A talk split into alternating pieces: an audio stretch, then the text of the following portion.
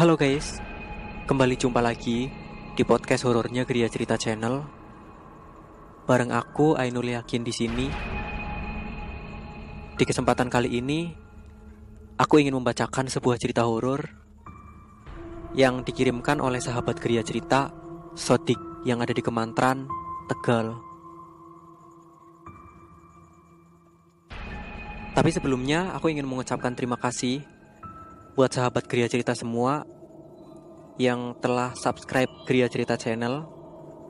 Buat yang belum subscribe, silahkan sahabat Gria Cerita bisa mendukung channel ini supaya bisa berbagi cerita horor yang lebih baik dengan cara tekan tombol subscribe, like, dan share videonya ke teman-teman kalian supaya teman-teman kalian juga bisa terhibur mendengarkan cerita-cerita horor dari kami.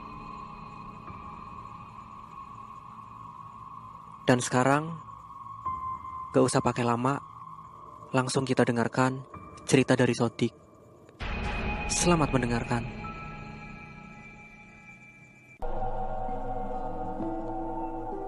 Sore itu, hujan turun deras banget. Dan itu hujan dari sore sampai menjelang malam. Bener-bener deras, nggak reda-reda. Dan aku bosan banget dong di kamar tiduran sambil main HP. Karena emang nggak bisa ke mana-mana. Padahal ini malam minggu. Ya walaupun aku jomblo tapi lumayan lah buat main sama temen-temen ngumpul atau nongkrong-nongkrong. Untungnya sekitar setengah sembilan malam hujan reda cuma tinggal gerimis. Terus waktu itu teman aku yang namanya Ma'ruf dia datang ke rumah. Dan ternyata Ma'ruf malam itu ngajakin aku mancing di sungai yang nggak terlalu besar tapi emang sungai itu banyak ikannya. Karena emang aku udah bosen dari sore akhirnya aku mau aja dong menerima tawaran Ma'ruf buat mancing di sungai itu. Setelah aku menyiapkan semua peralatan, akhirnya kami berangkat.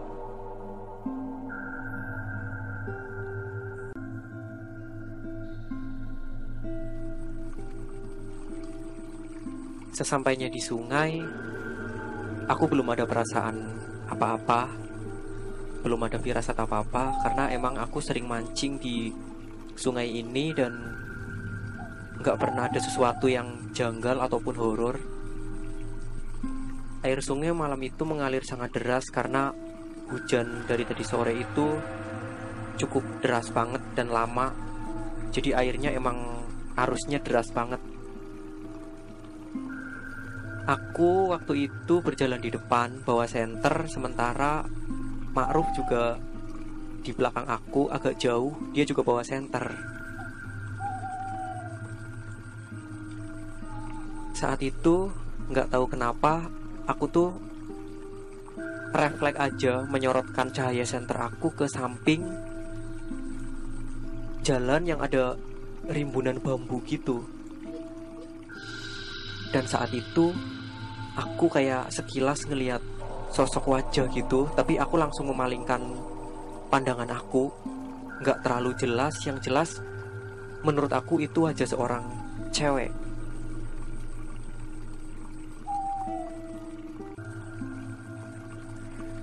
karena aku masih penasaran dengan apa yang tadi aku lihat akhirnya untuk memastikan aku kembali menyorotkan cahaya senter aku ke rimbunan bambu yang di mana tadi aku melihat seperti sesosok wajah itu.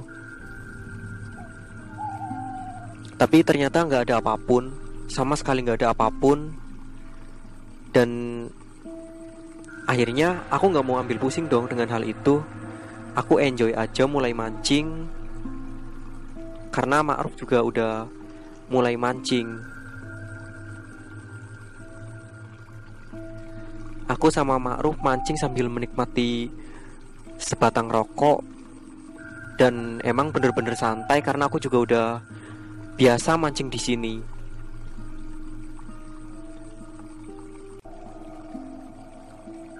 Gak lama aku mancing, terus aku sedikit heran karena samar-samar telinga aku tuh mendengar suara kayak semacam cewek ketawa gitu di antara gemercik air di antara suara binatang malam tuh kayak ada suara ketawa seorang cewek gitu. Seketika aku langsung kepikiran sosok wajah yang tadi aku lihat kan. Tapi aku masih diem Aku nggak ngomong sama Ma'ruf Entah kenapa aku nggak berniat buat ngomong sama kawanku gitu. Jadi aku masih diem. Aku dengerin dengan cara seksama dan semakin aku dengerin Emang semakin jelas kalau itu suara cekikikan seorang cewek Aku melirik Ma'ruf karena aku penasaran sama ekspresinya. Kira-kira dia denger nggak suara yang aku denger. Ternyata ekspresi Ma'ruf biasa-biasa aja. Dia tuh tetap enjoy mancing sambil ngerokok dan dia emang sepertinya nggak denger apa pun. Oke, berarti ini cuma aku yang denger. Aku penasaran dan aku bangkit dari duduknya aku, terus aku jalan berapa langkah sambil menyorotkan cahaya sentraku ke arah rimbunan bambu. Ternyata nggak ada apa pun dan sesuatu itu baru aku lihat ternyata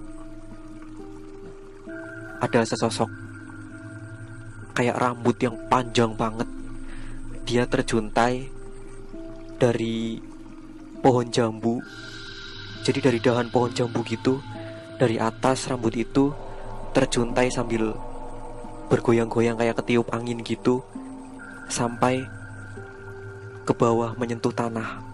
Aku bener-bener kaget banget lihat sosok kayak gitu dan aku langsung melirik Ma'ruf karena aku berniat mengajak dia pulang karena aku yakin pasti ini ada apa-apanya. Dan saat aku melirik ke tempat di mana Ma'ruf duduk, aku kaget. Karena Ternyata Ma'ruf udah gak ada di tempatnya. Pancingnya pun gak ada. Aku heran Kapan perginya dia? Padahal Kalau seandainya dia pergi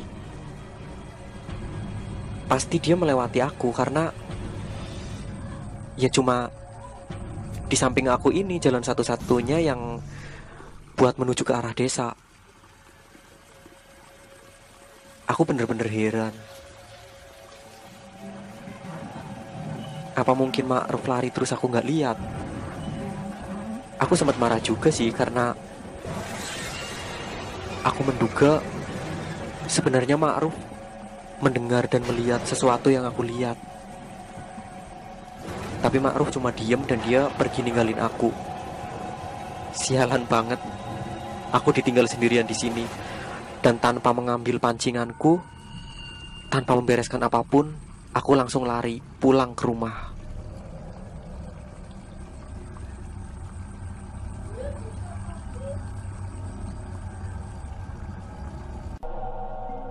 Paginya saat aku ketemu Ma'ruf, aku langsung marah-marah kan sama dia. Karena di saat dia tahu ada penampakan kayak gitu, dia malah Pergi ninggalin aku sendirian di pinggir sungai. Bener-bener gak setia kawan banget. Tapi yang bikin aku heran Ternyata Ma'ruf sama sekali gak mengakui Kalau semalam dia pergi mancing bareng aku. Dia bilang semalam dia tidur cepet Karena emang hujannya gak kunjung reda Dan dia gak bisa keluar rumah. Akhirnya dia mutusin buat tidur Yang bikin aku semakin heran Ternyata Adi, kakaknya Ma'ruf, dia membenarkan apa yang dikatakan Ma'ruf. Kalau memang benar begitu, jadi siapa dong yang semalam pergi mancing bareng aku?